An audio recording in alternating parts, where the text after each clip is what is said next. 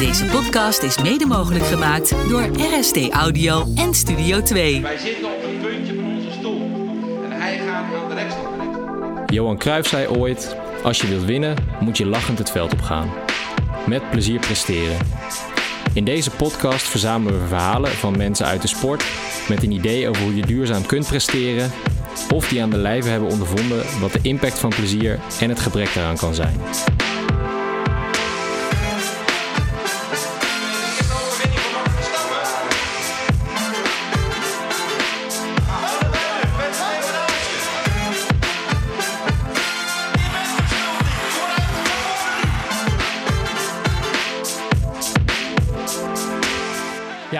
Dat je weer luistert naar eh, Jaap de podcast.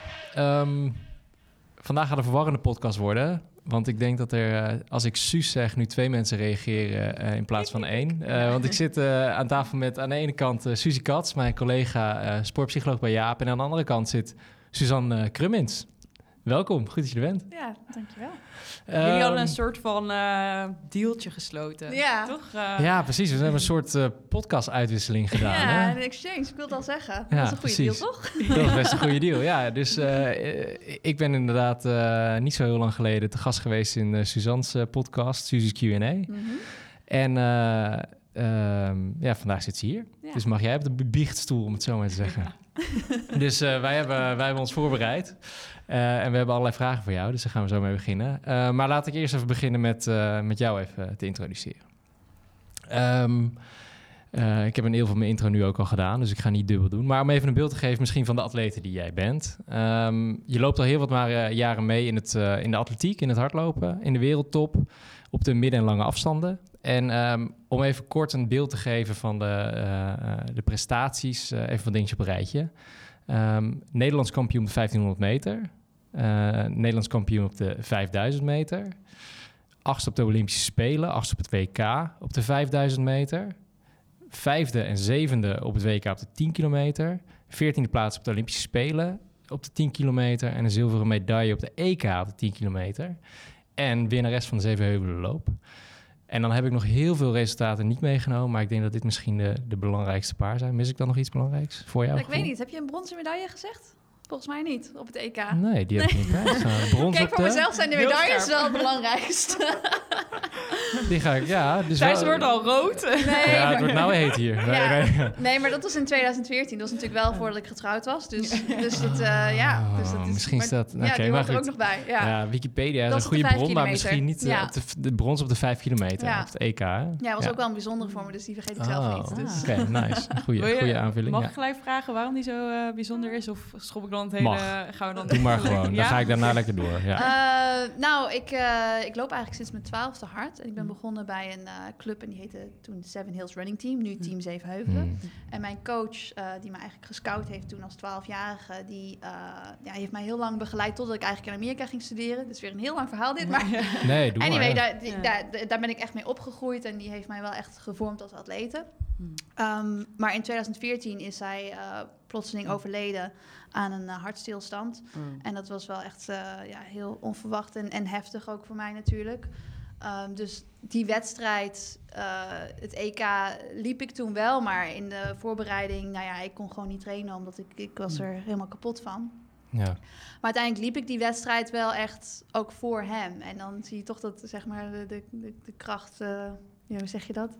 Power of dedication. Ja. Ehm, en tijdens de wedstrijd had ik oorbellen in die hij mij voor mijn 18e verjaardag had gegeven.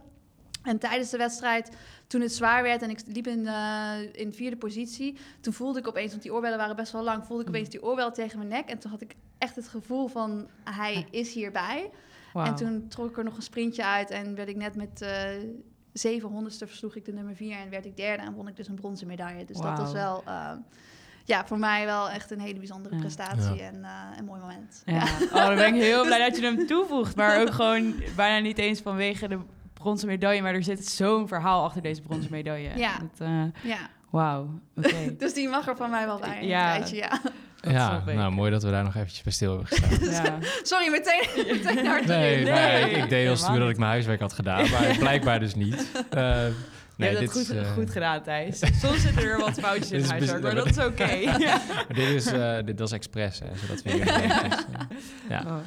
Maak je intro af. ja, zal ik eens Ik heb niet kijken? verteld natuurlijk, als je Nee. het genoemd had. Ja. Ehm, ja, wat eh, het meest recente Olympische Spelen ehm, was natuurlijk ook weer een verhaal apart. Want daar, je, je hebt heel lang met eh, blessures eh, gelopen. Blessure aan je Ach- Achillespees, als ik me niet vergis, voor die Mhm. tijd. Heb je Ja. lang, lange zware weg naar die Olympische Spelen van Tokio afgelopen zomer gehad... om, eh, om daar nog ready voor te zijn, zeg maar. En uiteindelijk moest je toch voortijdig uitstappen tijdens die race. Ehm, willen we het zo ook graag nog even over hebben met je, als je dat oké vindt.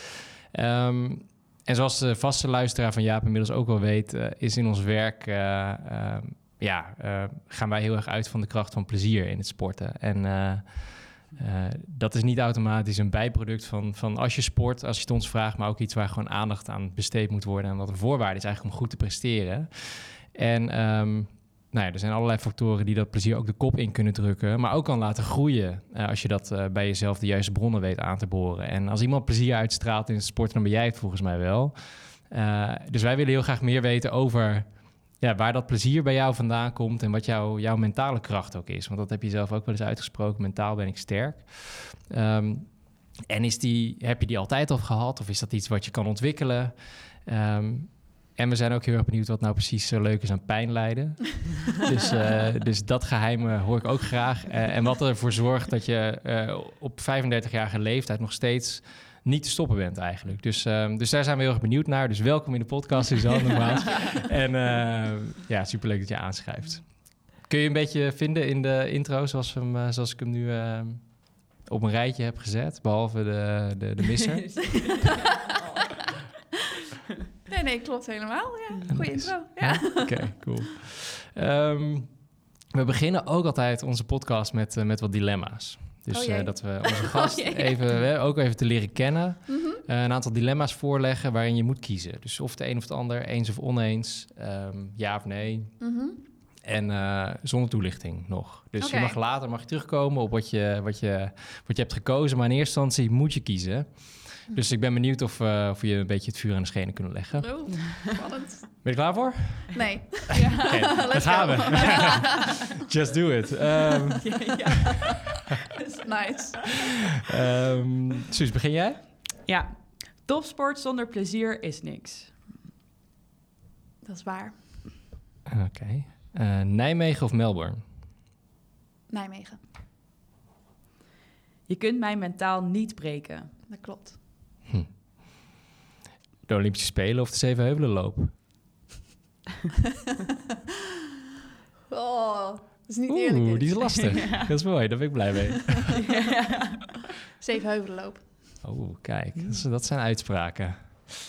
Suzanne als topsporter is iemand anders dan Suzanne als mens. Ehm, dat is niet waar. En de laatste is... Plezier hebben is vrolijk zijn.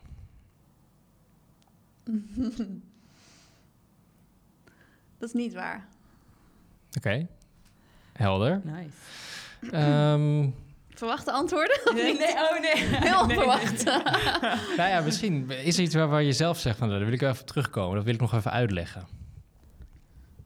Ik denk alles, maar eh, ik denk dat de, dat, de, dat de meeste mensen denken van Zevenheuvelenloop oh, voor de Olympische Voor de Spelen. Olympische Ja. Spelen, ja. Precies. Wil je dat eens toelichten? Ehm, nou, ik denk ook wel dat het komt omdat ik de Zevenheuvelenloop en eigenlijk alles wat dat voor mij betekend heeft als kind toen ik al begon met lopen, zeg maar ontdekt door het team Zevenheuvelen, daardoor eigenlijk in het hardlopen gerold en alles wat ik nu doe is eigenlijk daardoor gebeurd. Dus daarom is dat voor mij heel belangrijk, omdat ik de kans heb gekregen om zeg maar mijn talent te ontwikkelen, met plezier hard te lopen met de juiste begeleiding. En ik zie gewoon hoe belangrijk dat is. En als andere kinderen dat niet hebben, dat dat ja, ervoor kan zorgen dat je gewoon voortijdig stopt. Dus Mm. anders dan had ik hier ook niet gezeten vandaag, weet Nee. je. Dus dat is, eh, daarom is dat voor mij heel belangrijk, want dat is uiteindelijk de basis voor alles, weet je. Dus ook de basis voor mij dat ik op de Olympische Spelen stond. Ja. Ehm, en dat was wel uiteindelijk een hele lange weg ernaartoe. Maar ze hebben me stap voor stap wel eh, steeds daarin ondersteund. Ook nadat ik junior was als, als senior, als ik problemen had, dan, ja, dan kon ik wel op de hulp van de Zevenheuvelloop rekenen. En uiteindelijk was het voor mij ook wel een doel om die Zevenheuvelloop te winnen. Hm. En, en dat was, eh, zeg maar, het team Zevenheuvelen is ooit opgezet met het idee... we willen gewoon eh, onze lokale talenten willen we opleiden tot, als topsporters. En hopelijk kan er op een gegeven moment iemand naar de Olympische Spelen... of de Zevenheuvelloop winnen. Wauw. En toen in, eh, nou ja, ik ben als eh, 12-jarige begonnen in, in 98. En in eh, 2016 ging ik uiteindelijk voor het eerst naar de Spelen. En dat jaar won ik ook de Zevenheuvelloop. Dus het was meteen In- allebei in één jaar. ja. Maar dat heeft natuurlijk wel heel lang geduurd en heel veel investering. Ja. En eh, zoals ik zei, mijn, mijn juniorencoach Has, die was er inmiddels niet meer bij. Maar dat was wel een heel mooi moment. Zo van, oké, Ja. nu is dit een succes. Ja. En op die manier, als ik nu aan de Zevenheuvelloop meedoe... en als ik ook clinics voor, voor kids eh, geef, weet je wel... Dan, dan kan ik ook teruggeven aan de sport en dan is de cirkel eigenlijk rond. Ja. En dat vind ik iets heel moois. En, en Olympische Spelen is, is natuurlijk belangrijk... maar je hebt als atleet ook WK's en EK's om je op te richten. Mm. Dus voor mij is de Olympische Spelen niet, niet de holy grail, weet je wel. Dat is niet alles waar, al- waar het om draait. Ja. Dus wat dat betreft betekent de Zevenheuvelloop veel meer voor mij dan de Ja. Olympische Spelen. Ja. Wauw. Hm. En eh, jij zei van, zij hebben mij uiteindelijk ontdekt. Hoe, hoe is dat gegaan? Dus eigenlijk, hoe ben jij begonnen met, Eh, ja, met als- atletiek? Als kind wist ik helemaal niet dat je, dat je hardloopster kon worden. Weet Ja. je. Je, je ziet daar niet zoveel van op tv of zo. Dus dat was eh, ja, al- inderdaad eigenlijk alleen maar af en toe van de Olympische Spelen of zo. Maar verder ja, kon je daar, zag je Ja. daar niet zoveel van. Ehm, dus ik, ik deed aan allerlei sporten. En ik deed ook aan, aan, aan tennis en... Mm. eh, wel aan atletiek, maar niet speciaal hardlopen. Mm. En op een gegeven moment las mijn vader in de krant dat eh, als je aan een hardlooptestje meedeed, dat je dan een, een paar Nike's kon winnen. Ja, En, cool. eh, en ik, kreeg, ik kreeg van mijn ouders nooit Nike's. Dus ik mocht gewoon iets bij, bij de no-brand schoenen uit. En zeiden ze van, nou wil je dat niet eens proberen, weet je? Ik zei, oh ja, dat is misschien wel leuk. Dus ik dacht, ik doe gewoon mee. Maar ik dacht ook niet van, ik heb hardlooptalent. Ehm, hoewel ik zeg maar op de basisschool wel altijd gewoon met de jongens meesprint en zo. Ja. Maar ik vond het normaal, omdat ik... Ik heb een tweelingbroertje. Dus ik Oh, vond het ja. altijd normaal dat ik probeerde hem bij te houden in Ja. alles. En hij was eigenlijk ook best wel sportief. Hm. Dus ook best wel goed in hardlopen. Maar als ik van hem verloor, vond ik dat wel heel erg. Dat Oh, vond ja. ik niet, dat accepteerde ik niet, weet je wel. Dat is Ja. niet van hij is een jongen, dus hij is sneller. Dus jouw tweelingbroertje was de basis voor... Misschien eh, wel. Ja, wel dat ik, eh, ja, dat ik, dat ik dat niet zo snel accepteer als Ja. ik ergens niet goed in ben. Dat, Ja. dat is zeker zo. Hm. Ehm, dus, dus ja, dus ik weet niet. Van, vanaf jongs af aan heb ik dat eigenlijk al een beetje op die manier meegekregen. En Ja. ja, ja en toen kwam de krant van eh, als je hier aan meedoet. eh, ja, nou, toen uiteindelijk heb ik inderdaad aan het testje meegedaan. En ehm, toen zeiden ze van, je hebt hardlooptalent en je mag met ons eh, komen meetrainen. Ehm, Heb je de Nike's gewonnen? nou, dat is het grappige. Oh. Achteraf gezien ehm, Waren er geen bleek Nike's? het iemand... Nee, er waren geen Nike's. Iemand van de marketing dacht van, ik zet dat erin in de krant, want dan komen er meer kinderen op af. Nou, echt. Dus eh, ik heb meegedaan. Maar ik was die Nike's ook gewoon meteen vergeten, omdat de trainingen zo leuk waren. Hmm. En eh, ja, ik ging daar meteen gewoon helemaal in op. En ik vond het, het was gewoon, het was ook niet alleen hardlooptraining, we gingen ook heel veel spelletjes doen en zo. Dus ik vond het zo leuk. Ik was helemaal vergeten van die Nike's. En uiteindelijk werkte het goed genoeg. En toen kreeg ik op een gegeven moment toch mijn Nike-contract. Ja, en toen was de grap wel van, hè, hè, eindelijk die Nike's. Ja. Precies. Ik wilde net zeggen, als je het dan hebt over een cirkel die rond is, dan eh, Ja, is het precies. precies dat ook, Wat maakte ja. het zo leuk als kind om dus bij de, ehm, ja, daar te lopen?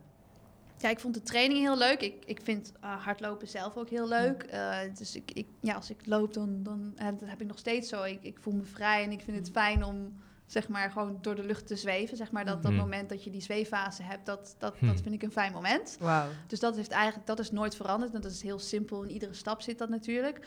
Maar eh, ja, toen ik als 12-jarige begon, deden we ook allerlei balspelletjes. En, en, en ja, goed, eh, mijn vriendjes en vriendinnen zaten in de club. Dus het was ook gewoon, het was gewoon altijd leuk om bij de trainingen te zijn. We waren helemaal niet zo bezig met van, nou, je moet nu deze tijden lopen en je moet eh, deze wedstrijden proberen te winnen. We waren gewoon echt aan het spelen eigenlijk.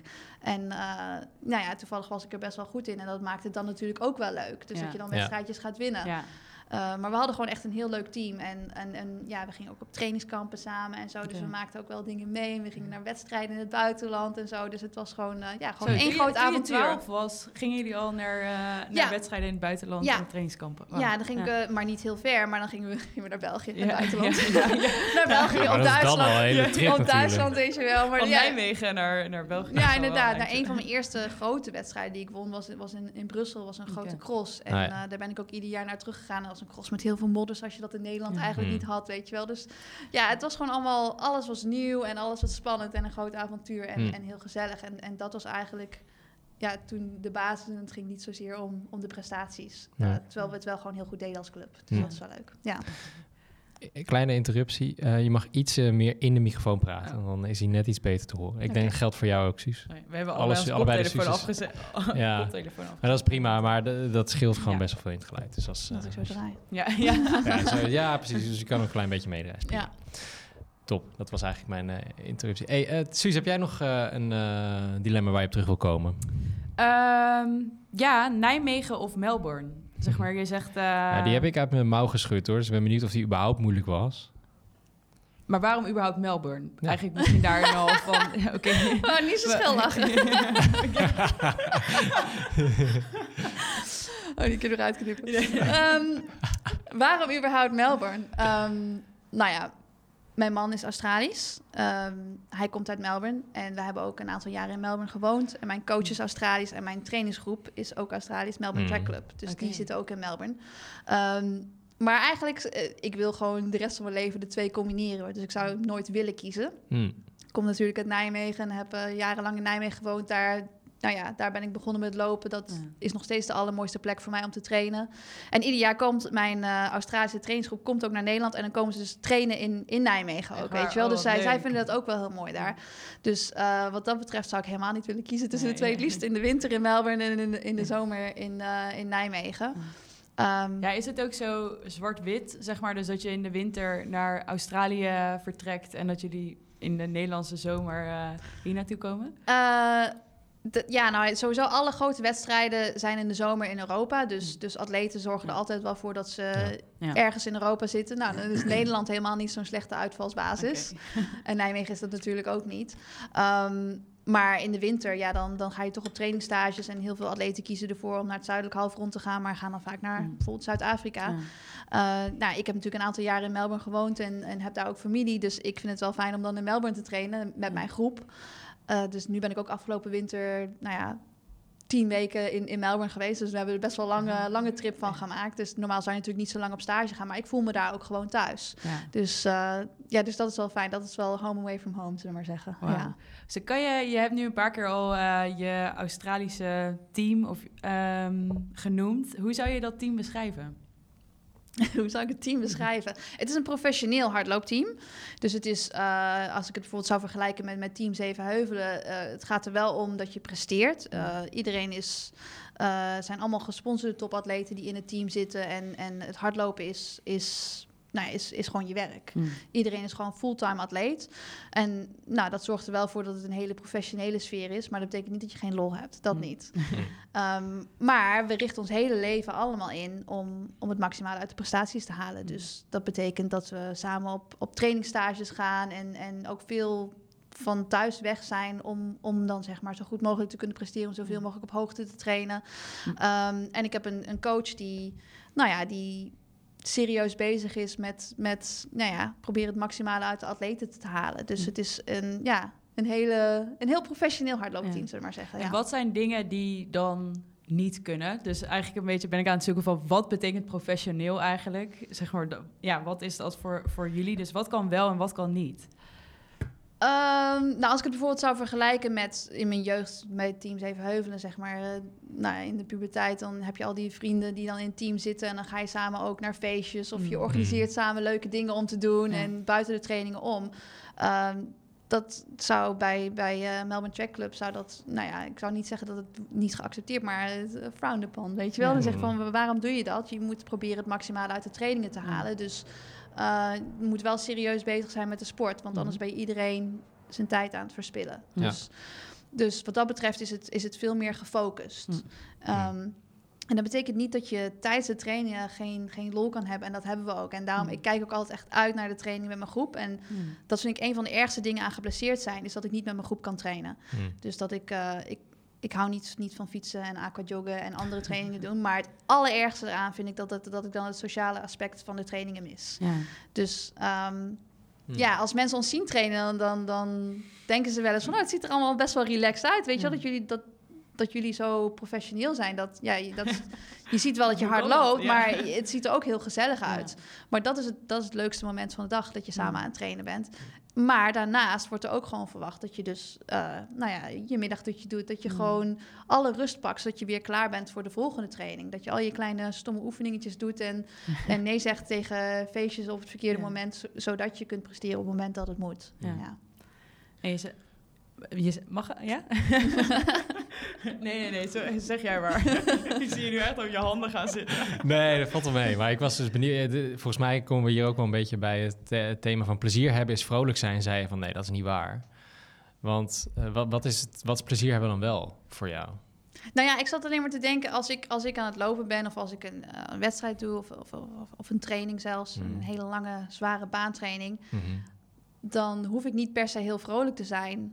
En dan kan ik wel plezier hebben. Dus dat is, eh, ik kan echt van genieten. Van, nou ja, als je dan samen in zo'n treintje loopt en je loopt gewoon 25 rondjes op een grasbaan in de hitte en het is zwaar en je weet niet of je de training wel gaat afmaken. En je hoort alleen maar iedereen, nou ja, helemaal buiten adem, weet je wel. En je, en je praat niet omdat je niet kunt praten, omdat je het maar, nou ja, je, je bent alles in je, alle energie in je benen aan het stoppen zodat je maar die finish haalt. Daar kan ik echt van genieten. Vind ik prachtig. Ik zag ergens, ik ben natuurlijk een beetje gaan zoeken, ehm, dat, eh, dat je daar een naam voor hebt. Voor die, eh, voor, dat, eh, voor die training of voor die groep dan op dat moment. Weet je waar ik dan op doe? Misschien is het ook helemaal niet zo'n ding voor jou, maar je noemde het volgens mij de pain train. Oh, de pain train, ja. Dat is wel de pain train. Hop on the pain train. Hop on Ja. the pain train. Oh. Ja, Wat hop on the pain train. Ja, dus dat is wel, dat is het inderdaad. Het is een treintje en eh, ja, je moet er wel voor zorgen dat jouw wagon er niet afvalt, weet je wel. Dus eh, je moet je daarin gewoon de klauwen erin en vasthouden, Ja, weet je wel. Dus ja. dat is, ja, mentaal moet je daar sterk voor zijn om steeds tegen je lichaam te zeggen, nee, ik kan nog een rondje, ik kan dit Mhm. nog, weet je wel. En omdat je het dan samen doet, Ja. eh, is het makkelijker. En Hmm. nou ja, ik weet niet dan.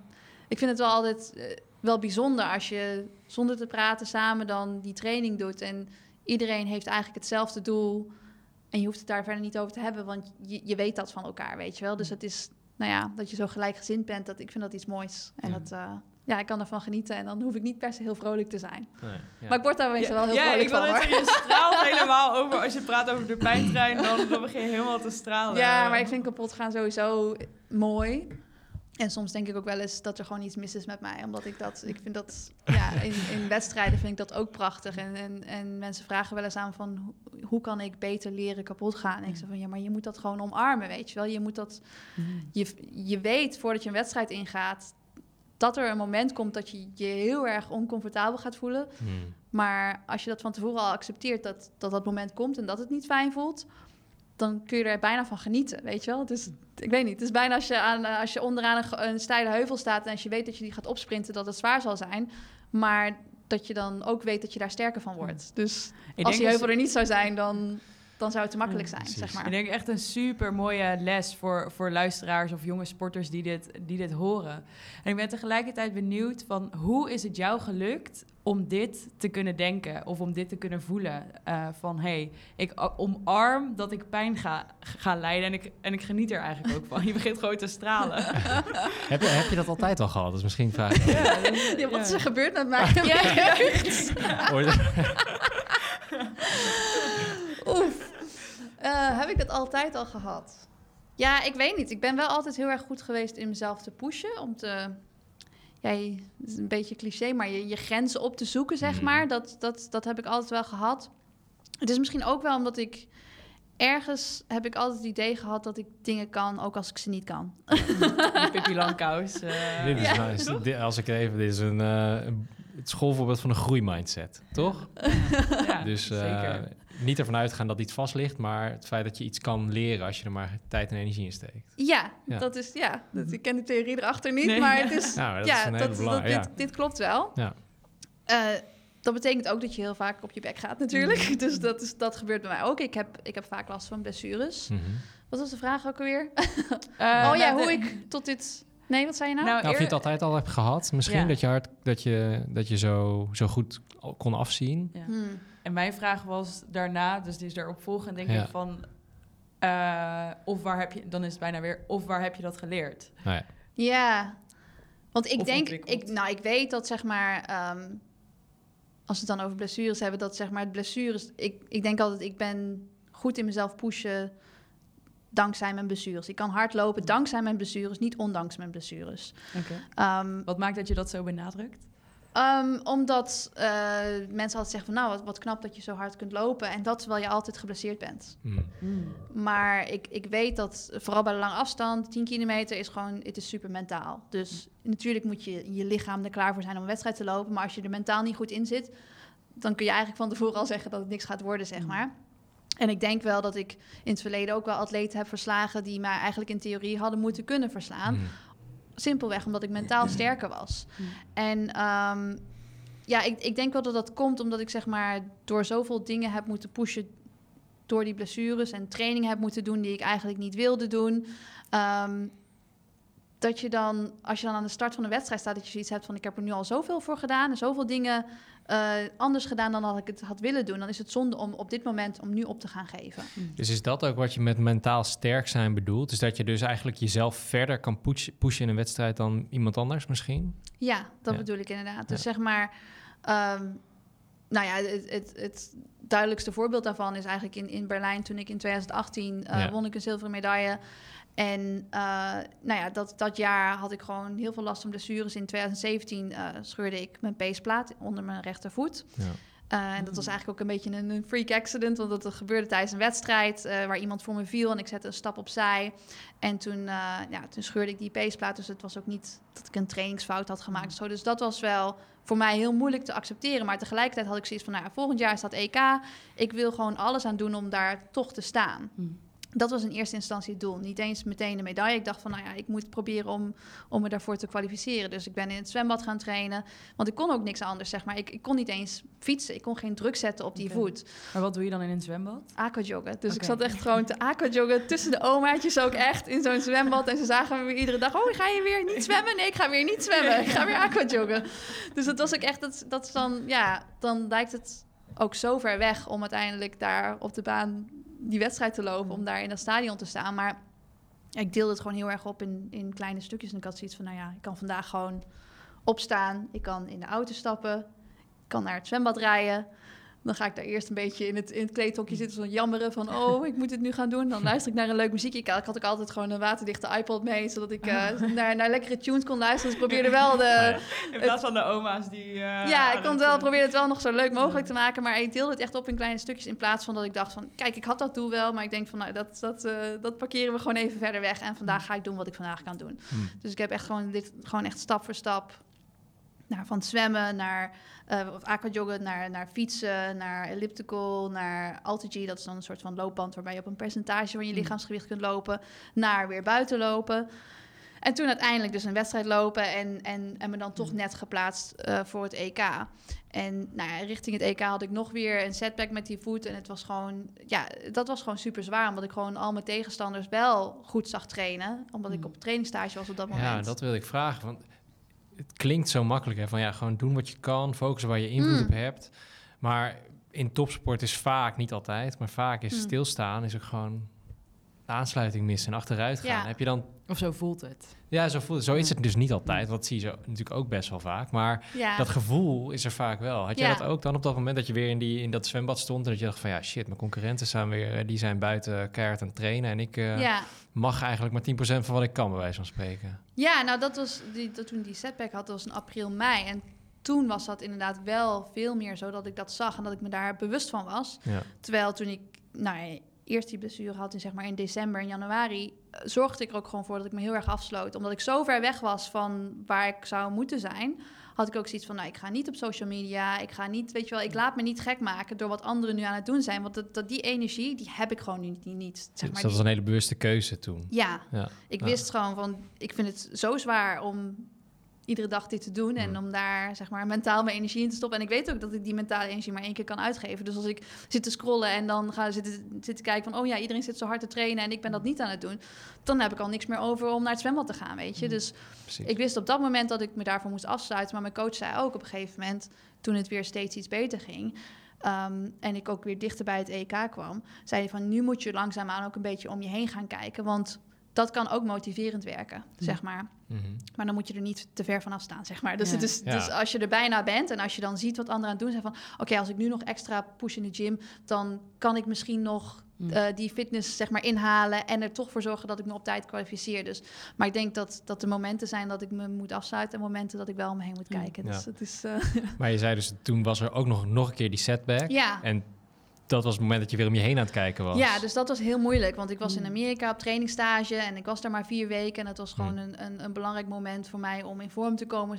Dat was trouwens voordat ik de limiet had gelopen. Dus nou ja, ik, ik moest nog de limiet Ja, lopen. precies. En eh, hoewel ik wel al gewoon baantrainingen kon doen en zo, ja, was dat gewoon een hele slechte timing. Mm. En toen kon ik opeens drie, eh, vier weken weer het zwembad in. Eh, en toen vond ik het wel, ja, dat, toen moest ik me wel echt, echt heel erg goed mijn best doen om, om mezelf te blijven motiveren. Om niet te denken van, nou ja, dit Gaat gaat me nooit meer, meer gaat me lukken. Nee. Ja. En Hoe heb je dat toen gedaan?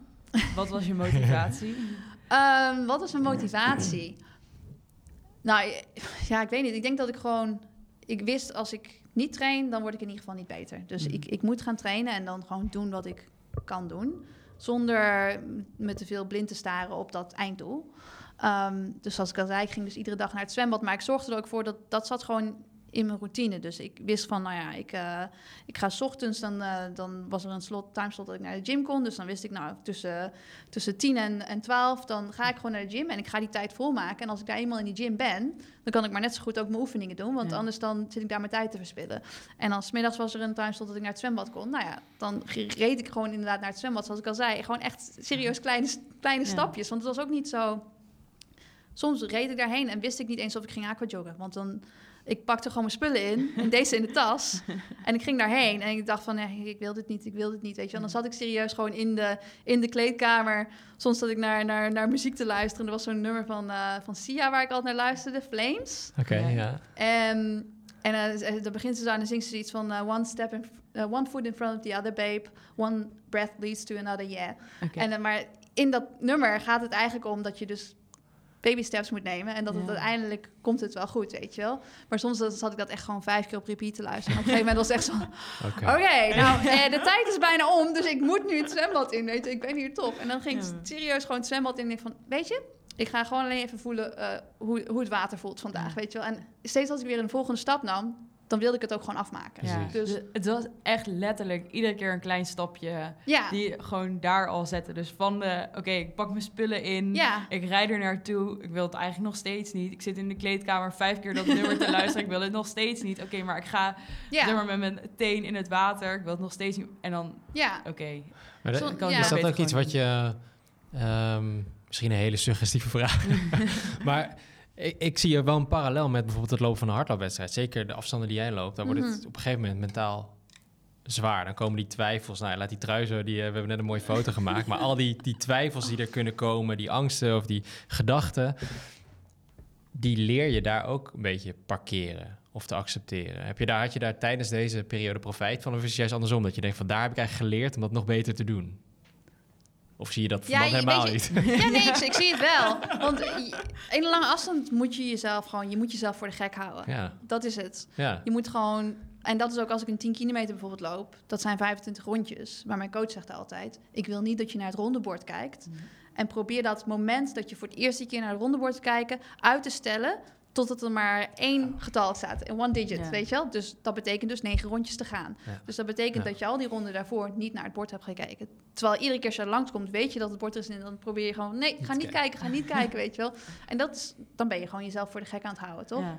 Ja. Precies. Ja, ja, ja. Maar, maar, hoe, maar hoe doe je dat? Want ik moet dan nu gelijk denken, oké, denk niet aan een roze olifant. En dan denkt iedereen aan een roze olifant. Dus, dus oké, je mag niet naar dat rondebord kijken. Ik zou dan iedere ronde zoiets hebben. Maar daarom ben ik ook geen eh Suzanne Crummins. Maar eh, dat ik eh, zeg maar, oké, niet kijken, niet kijken. Oké, en dat je dan toch stiekem kijkt. Of hoe, zeg maar, wat doe jij daar? Want dat is, waarom we daar zo op doorvragen is... Het komt bij jou echt heel makkelijk eruit. Maar ik weet zeker dat superveel sporters, zeg maar, aan wat je misschien nu gaat zeggen... heel veel, heel veel gaan hebben. Ik wil geen druk opvoeren. Ja, je- maar ja, ik weet niet. Dat voor je, jezelf voor de gek houden, dat is hetzelfde als dat je bijvoorbeeld dat je, dat je benen zo zwaar aanvoelen dat je denkt, ik kan niet nog een kilometer lopen. Die wedstrijd in Berlijn, ik wist niet of ik de finish ging halen. Als je die beelden ziet, dan lijkt het er ook op dat ik die finish niet ga Ja. halen. Ja. Ehm, Maar dan is het letterlijk, wat ik ook zei, dat nummer. Ene voet voor de andere, totdat Ja. je echt neervalt. Ja. Weet je? Dus dat is, het heeft niet zoveel zin om te denken aan wat er over vijf rondjes gaat gebeuren. Want jij loopt nu waar je nu loopt, Ja. weet je. Dus ik ben meestal niet zoveel bezig met, eh, ja, weet ik niet, de, de gevolgen, de consequenties van Ja. iets wat ik doe. Maar Gewoon echt bezig met wat ik nu aan het Ja. doen ben. Precies. Ja. Dus ik ben wel altijd, ook in een wedstrijd, een, eh, ik ben eerder bezig met eh, mijn ademhaling, of ik goed ademhaal, dat soort dingen. Eh, ik denk altijd, als ik 25 rondjes moet lopen, ik moet rechtdoor en dan linksaf en dan weer rechtdoor en dan weer naar linksaf. Weet je wel, dat Ja, soort dingen. ja. Ik moet een beetje dicht bij de rand lopen, Ja. zorgen dat ik een goede positie Ja. loop. En, en ja, Jezelf eigenlijk ook constant opdrachten geven daarin. ja, dat niet? is inderdaad Ja. zo. En ik denk wel dat het iets is wat we ook wel, eh, dat, dat moet je ook oefenen. En in de trainingen, omdat de trainingen die ik doe zo zwaar en lang zijn en zoveel op wedstrijden lijken, vaak ook in volume iets van Mm. 10 kilometer en bijna altijd wel tijdens de training het gevoel halverwege, ik ga het einde niet redden. Mm. Dus dat, dat, ge- dat gevoel en die gedachte, dat komt niet vanuit het niets. Dat heb Ja. ik al heel vaak Ja. meegemaakt. Dat Ja, triggerde me ook heel erg wat je zei in jouw eigen podcast. Toen ik eh, te gast was, zei ik van ja, ik heb ook wel eens ehm, eh, onder een andere trainer... dat je eigenlijk nooit die grens opzocht in de training... waardoor Ja. het in de wedstrijden je eigenlijk minder vertrouwen had... in het feit dat je daar wel doorheen kon. Ja. Maar jij, eigenlijk zijn jouw trainingen al zo zwaar... Mhm.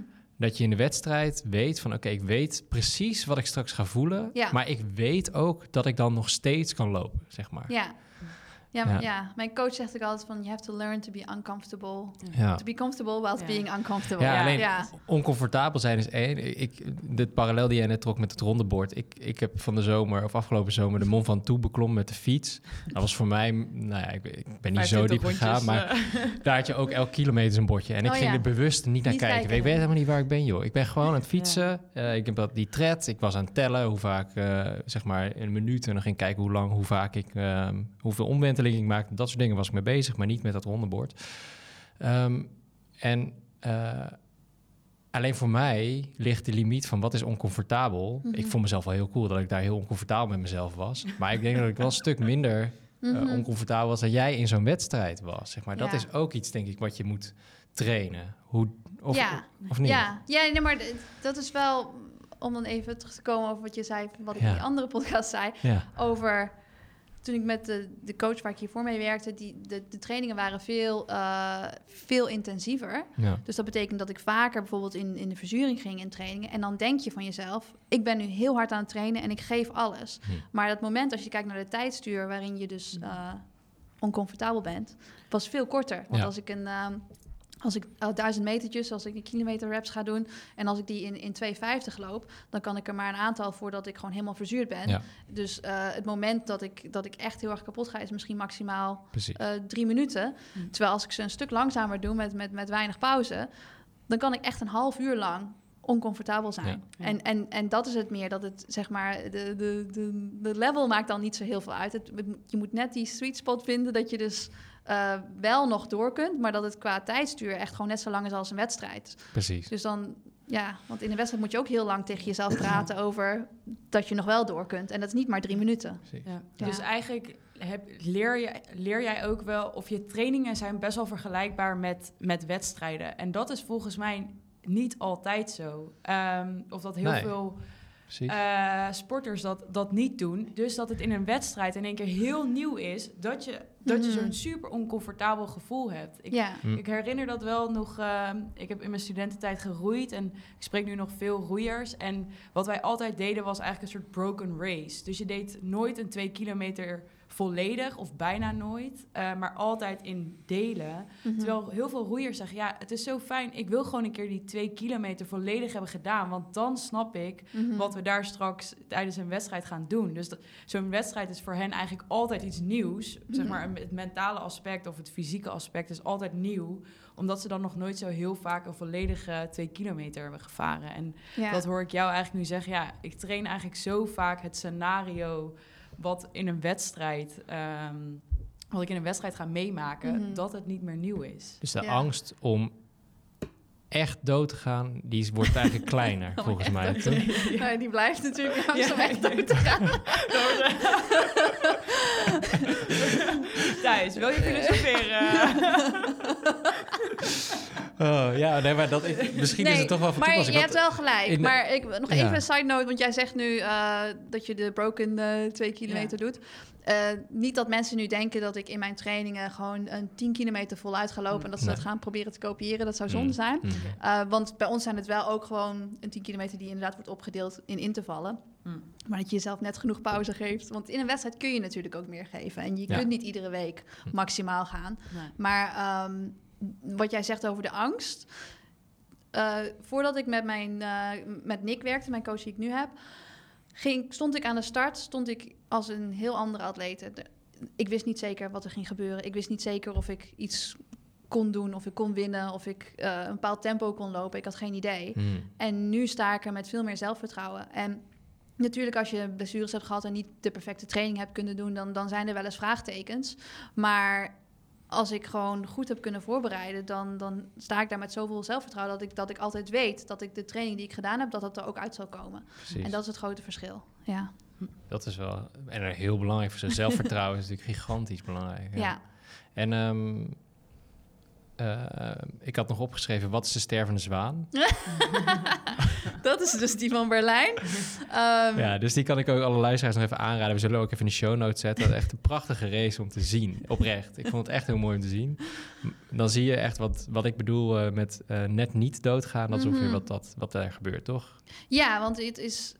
oh, oh, ik ging daar zo kapot. Ja, Ehm, dat ik dus op een gegeven moment was ik inderdaad alleen maar bezig met mijn knieën op te tillen zelfs. Het was niet van ik ben aan het lopen, ik ben een rondje aan het lopen. Ik dacht, ik moet mijn knieën blijven optillen, want ik ga daar, ik ga daar struikelen. Dus als je het dan hebt over... en dat gebeurde ook een keer bijna, toch? Nog in die laatste meters. daar. Ja, ja, het is, want ik, ik was ook echt aan het, aan, het, aan het waggelen van links Ja. naar rechts. En als je maar één voet aan de binnenbaan zet, dan ben je gedisqualificeerd. Dan was het allemaal Ah. voor niks, hè.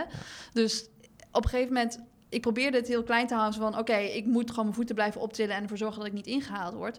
Maar tegelijkertijd switchte ik ook van... oh my god, als ik hier nou op mijn plaat ga... dan word ik beroemd op YouTube... omdat ik de finish niet heb gehaald, weet je wel. en toen ik, oh nee, knieën blijven optillen... links afslaan, doorlopen. Weet je Eigenlijk wel. wel mooi als je dit vertelt, wat er dan dus allemaal in je hoofd kan gebeuren. Wat voor gedachten. Ja. eh, Ik denk wel dat het wel heel extreem was wat er toen in mijn hoofd gebeurde. Ook omdat het heel warm was. Het was die dag Ja. 38 graden. En eh, ja, het was gewoon... Het, het was een hele, hele zware wedstrijd. En ik heb het zelf ook zwaar gemaakt. En dat kwam eigenlijk omdat ik... Twee jaar eerder was er een EK in Amsterdam. En toen eh, liep ik voor goud natuurlijk. Eh, toen heb ik gewoon fouten gemaakt in de voorbereiding en ook in de wedstrijd. En toen werd ik uiteindelijk vierde. En dat is natuurlijk een EK in eigen land. En om daar vierde te worden was gewoon super teleurstellend. En daar heb ik gewoon heel veel lessen van meegenomen naar Berlijn. En daardoor wist ik ook hoe ik het maximaal eruit moest halen. Maar dat was wel een hele zware manier. Want er waren steeds versnellingen tussen sprints en zo. En, en ik probeerde die gewoon langzaamaan steeds het gat dicht te lopen. En ja, ook, als ik, ook al wist ik niet zeker of ik dat tempo zou kunnen volhouden. Dus eigenlijk ben ik gewoon helemaal over de kop er gewoon erin gegaan. En gewoon zoiets gehad van, ik ga dit gewoon proberen. En andere meiden haakten al eerder af. Het was gewoon eigenlijk bluff, weet je. Dat, Ja. Ik wist ook niet of ik dat kon. Precies. ja, ja. Maar gelukkig zijn ze niet meegegaan. Want uiteindelijk, de laatste ronde was niet mijn allersnelste. Wauw. Ja, ehm, dus dat is Komt de stervende er zwaan. Dat is stervende Ja. zwaan. Ja, gewoon weggaan op het tempo wat je eigenlijk niet aan kunt. Ja. Ehm Suzy, een vraag aan jou. mm. Van wie is deze quote? Hard trainen is leuk. Helemaal kapot gaan in de training en gewoon blijven pushen als je al helemaal dood aan het gaan bent, is second nature voor mij. Dat vind ik leuk. En ik moet van alles regelen om de trainingen heen. Om mezelf te kunnen belonen met, mezelf, met hard trainen en mezelf zo ver pushen. Dat is voor mij eigenlijk een beloning. Nou, Nu we moet ik zitten een hier. Nu, moet- nu moet ik een random naam noemen. Voor wie denk je? dat. Is die van Rocky Balboa of van Suzanne Krummins? Je kunt gewoon een random naam noemen natuurlijk. ik denk van Suzanne. Ja, maar dat, ik, ik, dit, dit, dit hoorde ik in eh, die documentaire serie van Hier is Tokio. Toen zei je Oh, oké. dit. Ja, ik wou zeggen, het klinkt wel echt iets als ik wat ik gezegd heb. Ja, dat was jij inderdaad. Dus het was niet Rocky Balboa. Had zomaar gekund, maar Waarom, jij heb was je het. waarom heb je misschien e- eerst een vraag terug? Waarom heb je deze eruit gekozen? Nou, dit... Kijk, wij eh, met Jaap zijn we dus... gaan we uit vanuit, nou, wat ik net al zei... de kracht van plezier in het sporten. En plezier, zoals je net ook al zei... is niet per se vrolijk zijn. Het moet gemakkelijk en comfortabel zijn. Je kunt juist heel veel plezier halen uit uit een aantal andere bronnen die je kan aanboren bij jezelf. En daar Mhm. baseren wij onze aanpak ook een beetje op. Ehm, en ja, dat kunnen wij wel constant prediken, maar jij belichaamt dat ongeveer. Van, eh, met andere woorden, ik wil eigenlijk aan jou, vragen: wat is er zo leuk aan pijn lijden? Want jij zegt mezelf pushen, zelfs als ik Mhm. al helemaal dood ben, Mm, dan nog verder, dat vind ik leuk. Ja, Ja, dat hoor je niet zo vaak in één zin. nee, ja, ik ben ook echt gek eigenlijk. Hè? Ja, ik wil je ook niet op andere gedachten brengen hier, Nee. maar eh, Nee, maar het, het heeft wel iets... waar ja. zit dan voor jou de voldoening in? Zeg maar, zou je dat onder woorden kunnen brengen? Ja, het is een beetje dat je jezelf... Er is een uitdaging en je gaat die uitdaging aan. Je gaat die uitdaging niet uit de weg. De makkelijkste route is om een uitdaging uit de weg te gaan, Mhm. toch? Dus het is... Precies. Maar dat is, dat is comfortabel. En ik wil weten wat er aan de andere kant van die uitdaging ligt. Van, eh, weet je wel, de, de... Zeg je dat? De resistance. De, De weerstand. ja. ehm, ik zit even te denken hoe ik dit ga uitleggen. Ja, het is, wel- het is ook lastig natuurlijk om onder woorden te brengen, maar daar zijn we Ehm, juist eh, benieuwd naar. Weerstand is iets goeds, zeg maar. Ik, ik, zoals ik al zei, van ik omarm dat. Als ik een heuvel op ga sprinten, omdat die heuvel is zwaar, omdat je bergop gaat. Hmm. Maar daar word je ook beter van. Als Ja. ik op een spinningfiets zit en je hebt die knop die je dan moet aandraaien, Mhm. dan heb je mensen die hem lekker gewoon niet aandraaien en gewoon lekker heel, heel, veel, eh, heel snel fietsen, maar eigenlijk niet sterker worden. Terwijl ik wil hem aandraaien om te kijken, wat gebeurt er nou als ik door blijf pushen en hoe goed kan ik erin worden? Hoe, hoeveel beter kan ik Mhm. worden als ik, als ik mezelf wel op die manier pijnig, zeg maar. Ja. Dus Ja. ik- ik denk gewoon dat ik heel nieuwsgierig ben naar, naar wat, je, wat je kunt als je, eh, als je niet de makkelijkste route kiest, zeg maar. Ligt bij jou dan overtraining op de loer? Ehm, dat zou je zeggen. Ik ben één keer overtraind geweest. Ehm, maar bij mij is het zo dat mijn lichaam eerder gewoon... Nou ja, ergens begint te piepen en dan is het vaak mijn Achillespees of een, of Mm. een andere plek. Dus dan raak ik inderdaad geblesseerd. Ja. Dus, dus, dus wat dat betreft niet. Ehm, maar ik denk wel dat de blessures, dat is inderdaad omdat ik... Ja, ik, ik push mezelf gewoon heel hard en soms te hard. Hmm. En dat is ook iets wat ik dus moet leren om dan af en toe een stapje terug te doen. Om af en toe rust te nemen, weet je. Dus, Hmm. en dat vind ik wel moeilijk, want ik, ik wil Mhm. graag altijd alles geven. Ja. Ja. Wat, wat voor uitdagingen kom je daarin tegen? In die ontdekkingsreis van, hey, ik, mo- soms eh, moet ik mezelf iets minder pushen, want anders raak ik geblesseerd. Eh, eh, mag ik daarop inhaken? Want dat is inderdaad ook wel, om nog even terug te komen op van de zomer. Ehm, jouw kracht is dat je mentaal ijzersterk bent. Dus je kan, ja, je kan jezelf echt heel, heel ver pushen. En ook dat je, nou ja, bijvoorbeeld voor de, voor, de, voor de Olympische Zomerspelen afgelopen zomer in Tokio. Daarvan zei je volgens mij ook, uiteindelijk was ik daar gewoon wel echt goed op voorbereid. En was ik helemaal ready om daar aan te gaan. Maar is er iets in je lichaam dat dan ervoor zorgt dat je dus niet dat kan doen wat jij het liefste doet? Van jezelf, jezelf pushen. Dat mag dan eigenlijk Mhm. niet. Wat, hoe, dus je moest ook voortijdig uitstappen daar, Mhm. omdat je het voelde. En hoe was dat voor jou? Zeg maar. eh, ja, dat was, dat was heel moeilijk. Omdat ik natuurlijk... Het heeft heel lang geduurd... Want ik had die Achillespeesblessure. Ja. En het heeft heel lang geduurd om die Achillespees ook sterker te maken... zodat ik de belasting van de trainingen aankon, zeg maar. Dus dat heb ik echt stap voor stap gedaan. Ja. Eh, uiteindelijk inderdaad in de zomer best wel goed kunnen trainen. Alleen eh, wedstrijden moet je in, eh, nou ja, het is een beetje technisch, maar de schoenen met een bepaalde stack height lopen. ja, Dus- je had het over spikes, hè? ja, ik moest de spikes nog aandoen. En normaal zou ik daar rustig de tijd voor nemen om aan die spikes te wennen. En doe je een paar Mm. trainingen en spikes, en zo- zodat je pezen. Dat is weer de volgende stap, zeg maar. Naast dat is de nog belasting. belastender voor Ja. je pezen dan andere schoenen. hè? Dat is Precies. Maar daar had ik gewoon geen tijd voor. Dus ik wist ook dat ik met een, met een timeline zat te werken die eigenlijk niet heel realistisch was. Waarvan het nou ja, een beetje 50-50 zou zijn of die Achillespees het zou houden of niet. Nou, uiteindelijk wel eh, nou iets van tien dagen voor de wedstrijd in Tokio voor het eerst die spikes aan, een paar versnellingen gemaakt. Nou, het ging goed, maar het was natuurlijk niet een hele training. Want ik ga niet vanuit het niets een hele training doen. Toen vervolgens naar Tokio gevlogen en toch reactie gekregen daarop. Dus ik ging die wedstrijd in... ehm, wetende dat mijn Achillespees niet 100% was. Dus Ja. ik wist, en ik, ik had er van tevoren had ik het er ook met mijn coach over. Ik zei van ja, als ik straks iets voel waarvan ik denk, dit gaat niet goed met die pace, dan stap ik uit. Want dit is niet de laatste wedstrijd van mijn carrière. Dit, Mm. dit, weet je, Nee. het is niet de moeite waard om hiervoor die Achillespees af te scheuren. Nee. Ehm, toevallig had een, de dag ervoor een trainingsmaatje van mij haar Achillespees afgescheurd in de wedstrijd in, in Tokio. Dus het was ook wel heel erg, eh, ja, heel erg eh, real, weet je Ja. wel. Het was, stond op het netvlies, want zij heeft dat Ja. net gedaan. kan Het is- zomaar het kan gebeuren als je het- te ver dat gaat. kan gebeuren. Dus eh, ik ging wel met twijfels die wedstrijd Hmm. in. Dus ja, als mensen ook zeggen van, was je, was je niet ontzettend teleurgesteld dat je, dat je moest uitstappen? Ik, ik wist op dat moment dat die kans er was. Mm. Twee weken daarvoor ging alles super en dacht ik... Nou, ik, ik kan hier gewoon gaan presteren. Maar hoe ik die wedstrijd inging, wist ik wel... Ja. Nou, er is wel een kans dat ik die finish niet ga halen. En als ik dat niet, niet doe, zeg maar, als ik die finish niet haal... dan is het uiteindelijk ook mijn eigen keuze bijna. Precies. Want dan, dan kies ik ervoor om mezelf te beschermen. Ja. Dus dat is iets, zeg maar, mentaal had ik makkelijk nog no- door meer Ja. pijn kunnen pushen daar. Ja, Maar dan ben ik toch slim genoeg om te zeggen van... oké, nu moet ik even een stapje terug doen.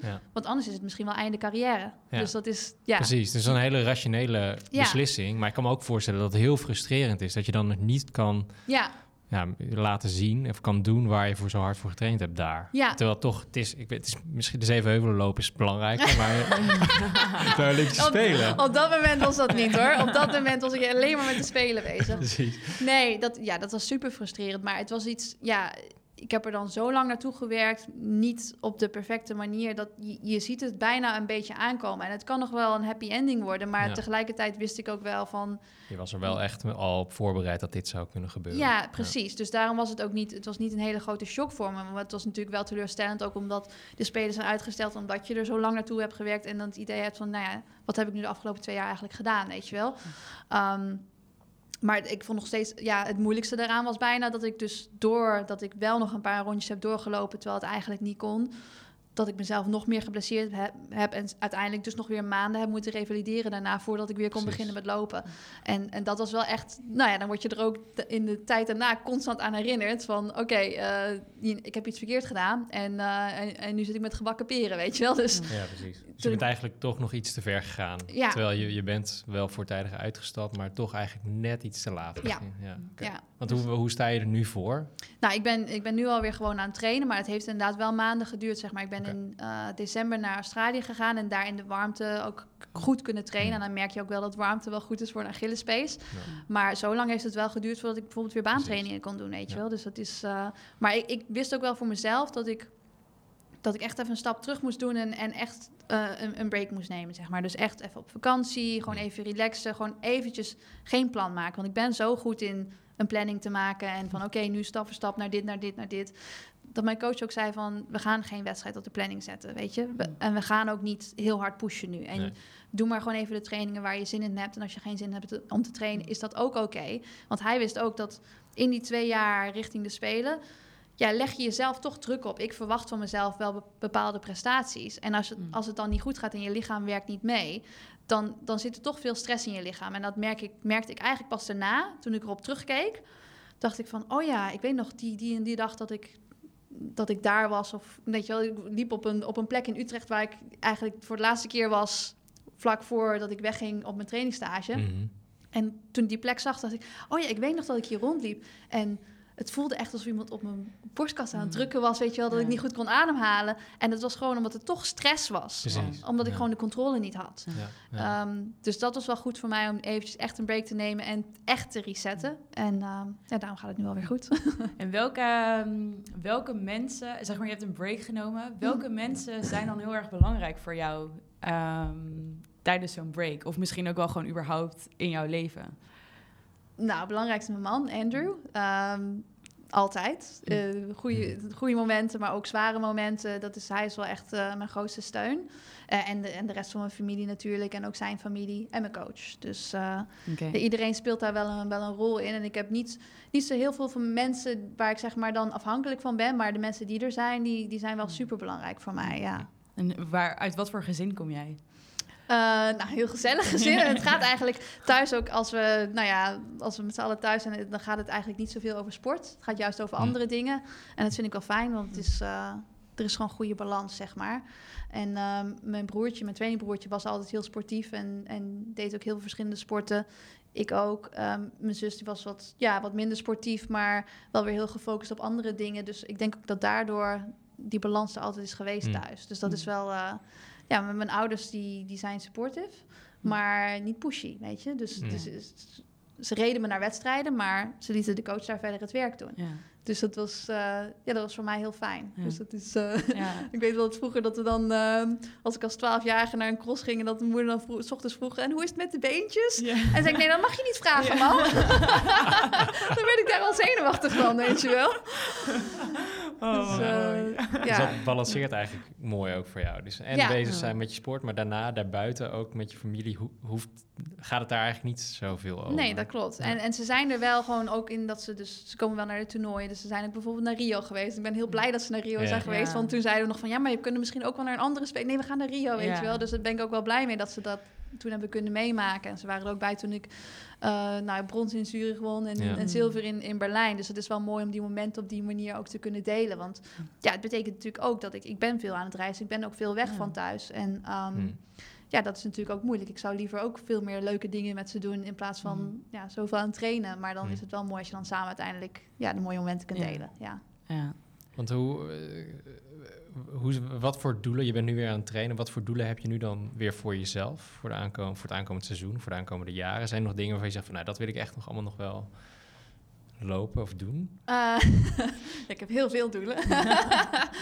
nou, de- ieder Vandaar jaar. deze planwijzer. Ja, eh, precies. eh, ja, ons daar maken we zo nog even een fotootje wel. hè. Ehm, nou, ja, deze zomer, zeg maar, iedere zomer zijn er gewoon mooie toernooien. Dus dat is ook weer zoiets. Mensen zeggen van, oh ja, Olympische Spelen. Oh, nee, maar het is Hmm. weer vier jaar tot de volgende. Nou, nou, nu drie jaar dan. Hmm. Maar ieder, iedere zomer zijn er gewoon hele mooie toernooien. En nu zijn er ook de komende tijd heel veel in Europa. En dat vind ik altijd wel leuk. Ja. Ehm, dus er is een EK deze zomer in, in München. Er is een WK in Eugene.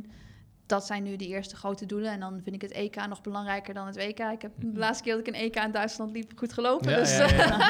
Nice. dus ik heb zoiets van, daar wil ik wel weer voor gaan. Hm. Ehm, dus dat en, en ja, verder is er dan weer een week aan Boedapest en natuurlijk eh, Olympische Spelen in Parijs. Hm. Ehm, maar op de weg wil ik ook nog gewoon meer wedstrijden lopen en misschien ook wel langere wedstrijden. Want de langste wedstrijd die ik tot nu toe heb gelopen is een halve marathon. Hm. Dus ik wil nog wel weer een goede halve marathon, maar uiteindelijk misschien ook wel richting de marathon. Oh, dat Is is ook een nieuwe uitdaging. Ja, inderdaad. En ook Ah. wel een eh, ja, bijzondere afstand. Dus ik wil dat wel een Hm. keertje doen, maar dan wil ik er wel goed op voorbereiden. Dus ja, het is nu nog eventjes, omdat ik natuurlijk ook eh, op de baan loop, is dat is nog even kijken hoe ik dat kan combineren. Maar Ja. Ja. Ja, ik heb genoeg doelen, maar misschien niet genoeg tijd. Dus ja, Ja, precies. Ja, Ja. ja, voelt dat zo? dat voelt wel een beetje zo. Het Ja. is wel, ja. Ik heb, eh, ik, ik heb gezegd ook van ik wil, ik ga door tot de, tot de Spelen van Parijs. En dat is Hm. eh, 2024. Hoe oud ben ik dan? Uitrekenen. 38. Ja, precies. Dus Ja. als, als lang afstandatleet, ja, ik merk ook wel dat ik steeds meer ja, pijntjes en dat ik steeds Mm. voorzichtiger moet trainen. Dus op een Mhm. gegeven moment weet je ook dat je niet meer het maximale eruit kunt halen. Dus Mhm. ehm, door mijn focus naar de weg te verschuiven, hoef ik bijvoorbeeld geen spikes meer aan. Dus dat, is, Mm. dat is wel iets waardoor ik mijn Achillespees een beetje kan sparen. En lang afstand is dan ook iets makkelijker om voor te trainen. Dus ik, eh, ja, uiteindelijk zal die shift, dat zal wel natuurlijk zijn. Alleen, eh, ik wil het eigenlijk allemaal. Ja, ja. maar ik moet keuzes maken. Ja, Dus het is, eh, precies. ja. Ja. Ja, precies. ja. Ehm, Mag ik die laatste ehm, nog even terug, of op de ene na laatste stelling nog zeker, ja. Go for it. Het was eh Susanna's, zeg, of, waarom ik er ook op terug wil komen. Jullie weten, ik vind het altijd interessant om ook de mens achter de sporter te leren kennen. Dus eh, daarom dat ik er toch nog even op terugkom. Ja, Dat was eh Susanna's topsporter is iemand anders dan Susanna's mens. En toen heb je oneens gezegd. Wat, eh, hoe, zou je, ehm, hoe zou je in een paar woorden Susanna's mens beschrijven? Oh, in een paar woorden. Dat is al een uitdaging misschien. eh. een paar Ehm, zinnen. Moeilijk dit. Gefocust. Mhm. gezellig. Toch ook wel vrolijk. Ik ben wel vrolijk, ja. en wel doelgericht. Hm. Ja, En waarom is het een moeilijke vraag? omdat ik... eh, ik kan niet goed kiezen en er zijn zoveel woorden die ik zou willen gebruiken. Hm. Ja. Oké, dus als je even misschien zonder barrières mag, eh, het mag beschrijven. Hmm. Ehm. nou, ik, ik, ik wil graag een. Ik wil graag inspirerend zijn voor, voor andere generaties. Voor jonge kinderen die willen sporten. Hm. Ehm, maar ook voor oudere mensen, voor iedereen die gewoon het maximale uit zichzelf wil halen. En ik wil dat mensen door mij kunnen zien dat, dat er bepaalde dingen zijn waar je gewoon geen controle over hebt. En als je die gewoon naast je neerlegt en als je je energie stopt in dingen waar je wel controle over hebt, dan kun je veel meer dan je denkt. En ik, ik wil eigenlijk dat mensen door mij zien dat die, dat die barrières, dat die er eigenlijk niet zijn. Maar je moet wel weten hoe je je op de juiste dingen richt. Ehm, ik weet niet, het is een beetje... eh, je take charge of your own story, weet je? Mhm. Ja. je? Je wil je eigen verhaal vertellen, niet door iemand anders laten vertellen. Hm. En ik denk, eh, ik, ik wil dat graag in anderen zien. Dus, dus als ik moet zeggen wie ik ben, dat wil ik eigenlijk bereiken. Dus Mhm. dat wil ik zijn. Of ik dat al ben, dat weet ik niet. Dat kan ik niet zeggen. Maar ik Mhm. hoop dat ik dat kan zijn voor En anderen. je belichaamt dat zelf dus wel in je eigen sport en je eigen doen en laten. Ja, Ja, precies. ja. En, en voor mij is dat ehm, wel vanzelfsprekend. Maar ik merk wel als ik anderen erover spreek... en ik ben ook steeds meer bezig met... eh, nou ja, die, die jonge kids van Team Zevenheuvelen... een beetje aan het coachen, een Mm. beetje aan het helpen... met dat soort ja, mentale issues, ook voor wedstrijden en doelen stellen. En ehm, ja, ik merk gewoon dat het niet, niet altijd vanzelfsprekend is. En, ik wil mensen daar wel mee helpen, want ik vind dat zonde. Want Mm. iedereen moet toch het maximale uit zichzelf kunnen halen. Ja. Dus daar wordt de wereld alleen maar beter van. Ja. Ja. Wauw, dankjewel voor je antwoord. Ja. Deze kwam van... eh, ja, nee, je beantwoordde hem heel mooi. Dus ik ben blij dat we de barrières nog hebben weggehaald. Dat, eh, Ja. eh, Is, ja, is dit dankjewel. ook een van de redenen waarom je zelf nu een podcast hebt? Om daarmee ook mensen te bereiken? Of, eh, of is dat even dat nou, weer we vinden het gewoon heel gezellig om te kletsen. Nee. Ja, nou, dat, dat, die podcast dat begon in 2018. En Ja. eh, eh, met Olivier Heimel van Runners World. Ja. En eigenlijk gewoon omdat we met z'n tweeën hadden we altijd gewoon van die leuke gesprekken als we bij evenementen waren. En dan stonden er wel eens mensen, stonden er gewoon naast ons mee te luisteren. En dan zeiden ze niks en dan waren wij gewoon aan het kletsen. En dan zeiden we, als mensen dit leuk vinden om naar te luisteren... misschien moeten we eens een keertje gewoon een gesprek opnemen. Ja, ja, en kijken of er mensen naar luisteren. Dus ehm, ja, eigenlijk zijn we gewoon nooit uitgepraat over, over hardlopen... en alles wat daarmee te maken heeft en, en, en sport. Ja. En, maar goed, ik wil er natuurlijk ook wel mensen mee, mee inspireren, motiveren. En het is ook wel heel leuk om te, om te horen en te zien als mensen dan... Nou ja, ik heb een eh, lange duurloop gedaan met Suzy Q&A in de oren, Ja. weet je wel. En dat is Ja, wel leuk. precies. En dat zijn dan kleine dingetjes die het dan de moeite waard maken om het Ja. te doen. Ja. Ja, leuk. Ja, de, daaraan gerelateerd. Wij vragen ook altijd eh, eh, nog even ehm, iemand uit jouw omgeving om nog een berichtje of een boodschap Oh of een anekdote te vertellen. En dat hebben wij natuurlijk ook gedaan. Eh, en de lijntjes met Suzy's Q&A zijn natuurlijk kort. Dus eh, ik heb iemand eh, aan de andere Dan kant moet je van de lijn. koptelefoon opzetten. Oh. Oh ja, die moet je even opzetten. Ja, dan eh, kan ik hem laten horen. Oh, Oh, ik wacht. hoor niks. Nee, wacht. Dit, eh, dit gaan we knippen. We zitten op 1 minuut of 1 uur 2.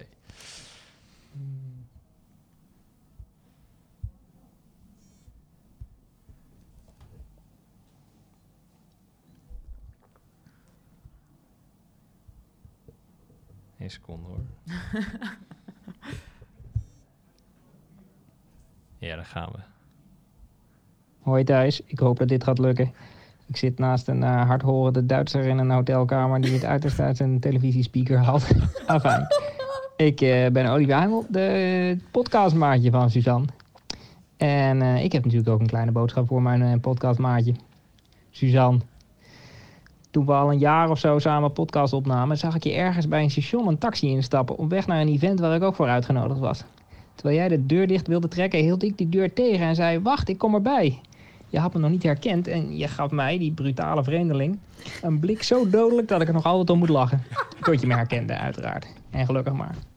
Ik kende je al zo goed dat ik ergens was vergeten dat je ook gewoon een ster bent. Waanzinnig goed in wat je doet en niet gediend van onbekenden die uh, jouw pad willen doorkruisen.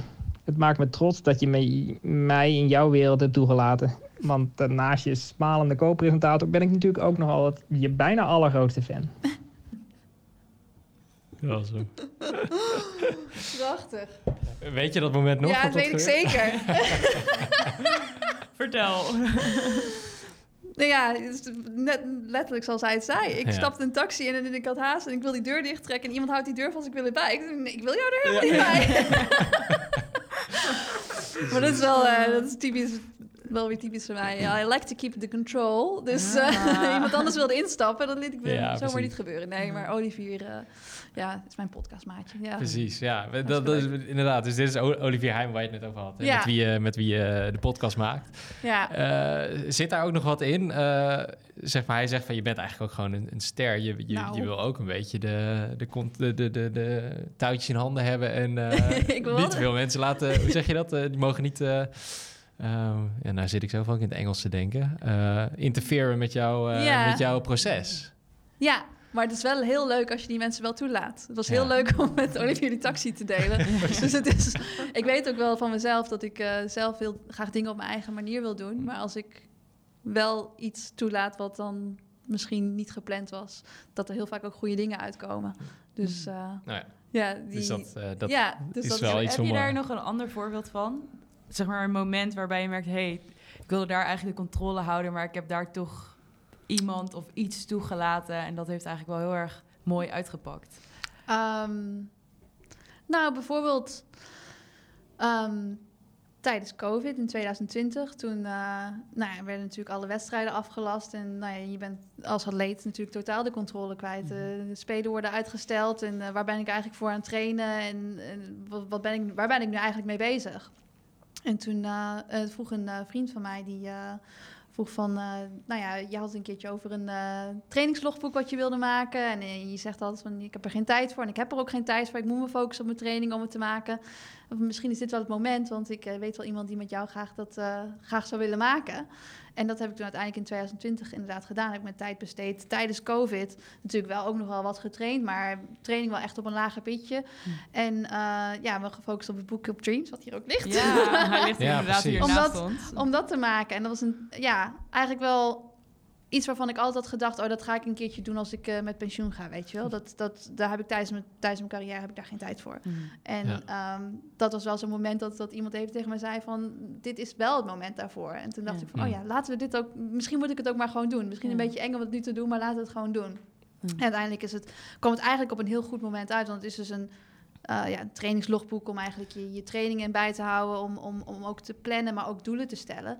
Hm. En tijdens COVID viel voor iedereen natuurlijk alle doelen weg. Ja. Ook alle gewoon, eh, ja, gewoon de recreatieve lopers, hadden ook geen wedstrijden meer om voor te trainen. hmm.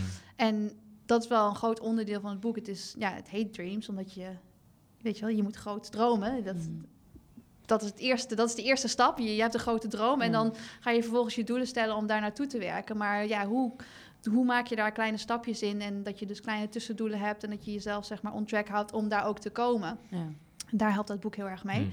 Dus, eh, maar uiteindelijk was het, een heel, was het ook heel mooi om het op dat moment te doen. Omdat ik, ja, ik merkte gewoon dat ik heel veel voldoening uit kreeg. Ook toen het boek uiteindelijk uitkwam en toen het werd verkocht. En dat mensen het gebruikten. En dat ze me dan Ja. screenshots stuurden. Of dat ze dus eh, foto's maakten. En dat ze zeiden van, oh my god, ik heb nu Ja. deze week ingevuld. Of ik heb dit gedaan, deze oefening. Of dit heeft me heel erg Oh. geholpen. En ik werd daar gewoon heel erg blij van. Dat ik daarmee mensen kon helpen. Eh, en normaal haal ik zoveel voldoening uit mijn eigen hardlopen, uit mijn eigen wedstrijden, de- uit mijn trainingen. En toen dat op een lager pitje stond en toen ik ook nog eens geblesseerd raakte, had ik wel dat. Ja. Hmm. Dus dat kwam eigenlijk op een heel goed moment. Dat kwam eigenlijk op het perfecte moment. Ja. Ja, Ja. Dus Dus- hier eh, heb je mensen ook mee, of ben je mensen ook mee aan het inspireren?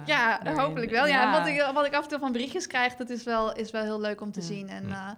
Ja. dat mensen toch op die manier dan hun doelen weten te bereiken. En het is ook, het is een hardloopdagboek, maar ik, ik weet ook dat mensen, en dat is ook wel de- kracht van sport, denk ik, als je weet hoe je jezelf doelen stelt Hmm. tijdens het sporten, dat, dat je dat ook, ja, dat vertaalt zich naar andere. Ja. dingen in het leven, weet je wel. En, en doorzetten als je tegenslagen hebt en een plan A, plan B.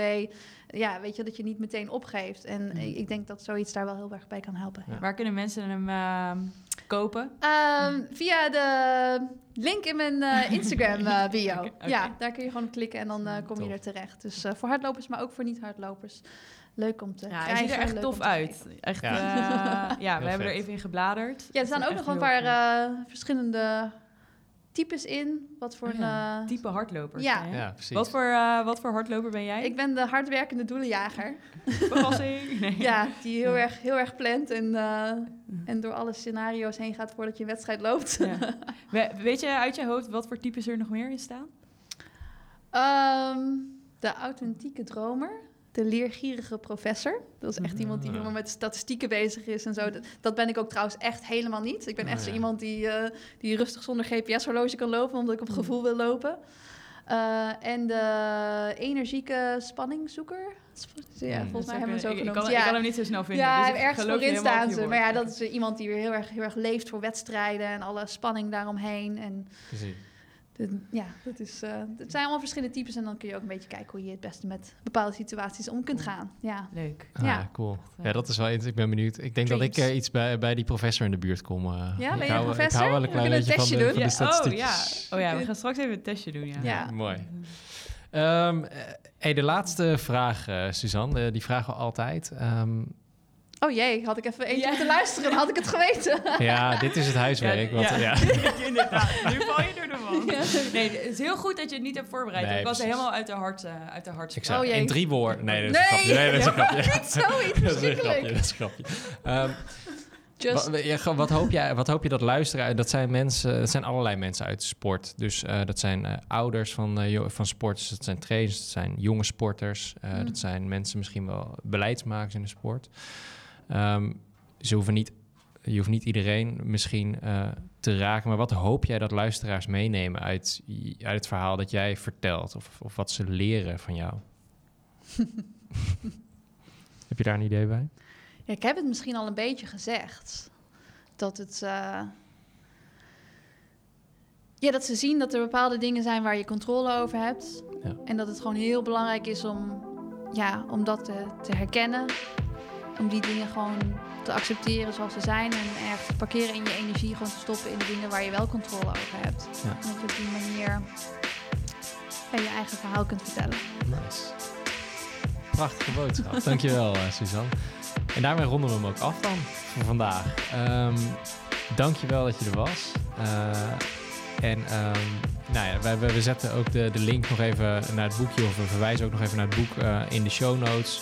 Um, en uh, alle andere fragmenten waar we het nog over hebben gehad in deze podcast. En uh, mocht je het nou een tof gesprek hebben gevonden, geef dan ook even 5 sterren op Spotify. Dat is belangrijk, dan weten mensen ons te vinden. Maar vooral, um, um, dankjewel Suzanne. En luisteraars, tot de volgende keer.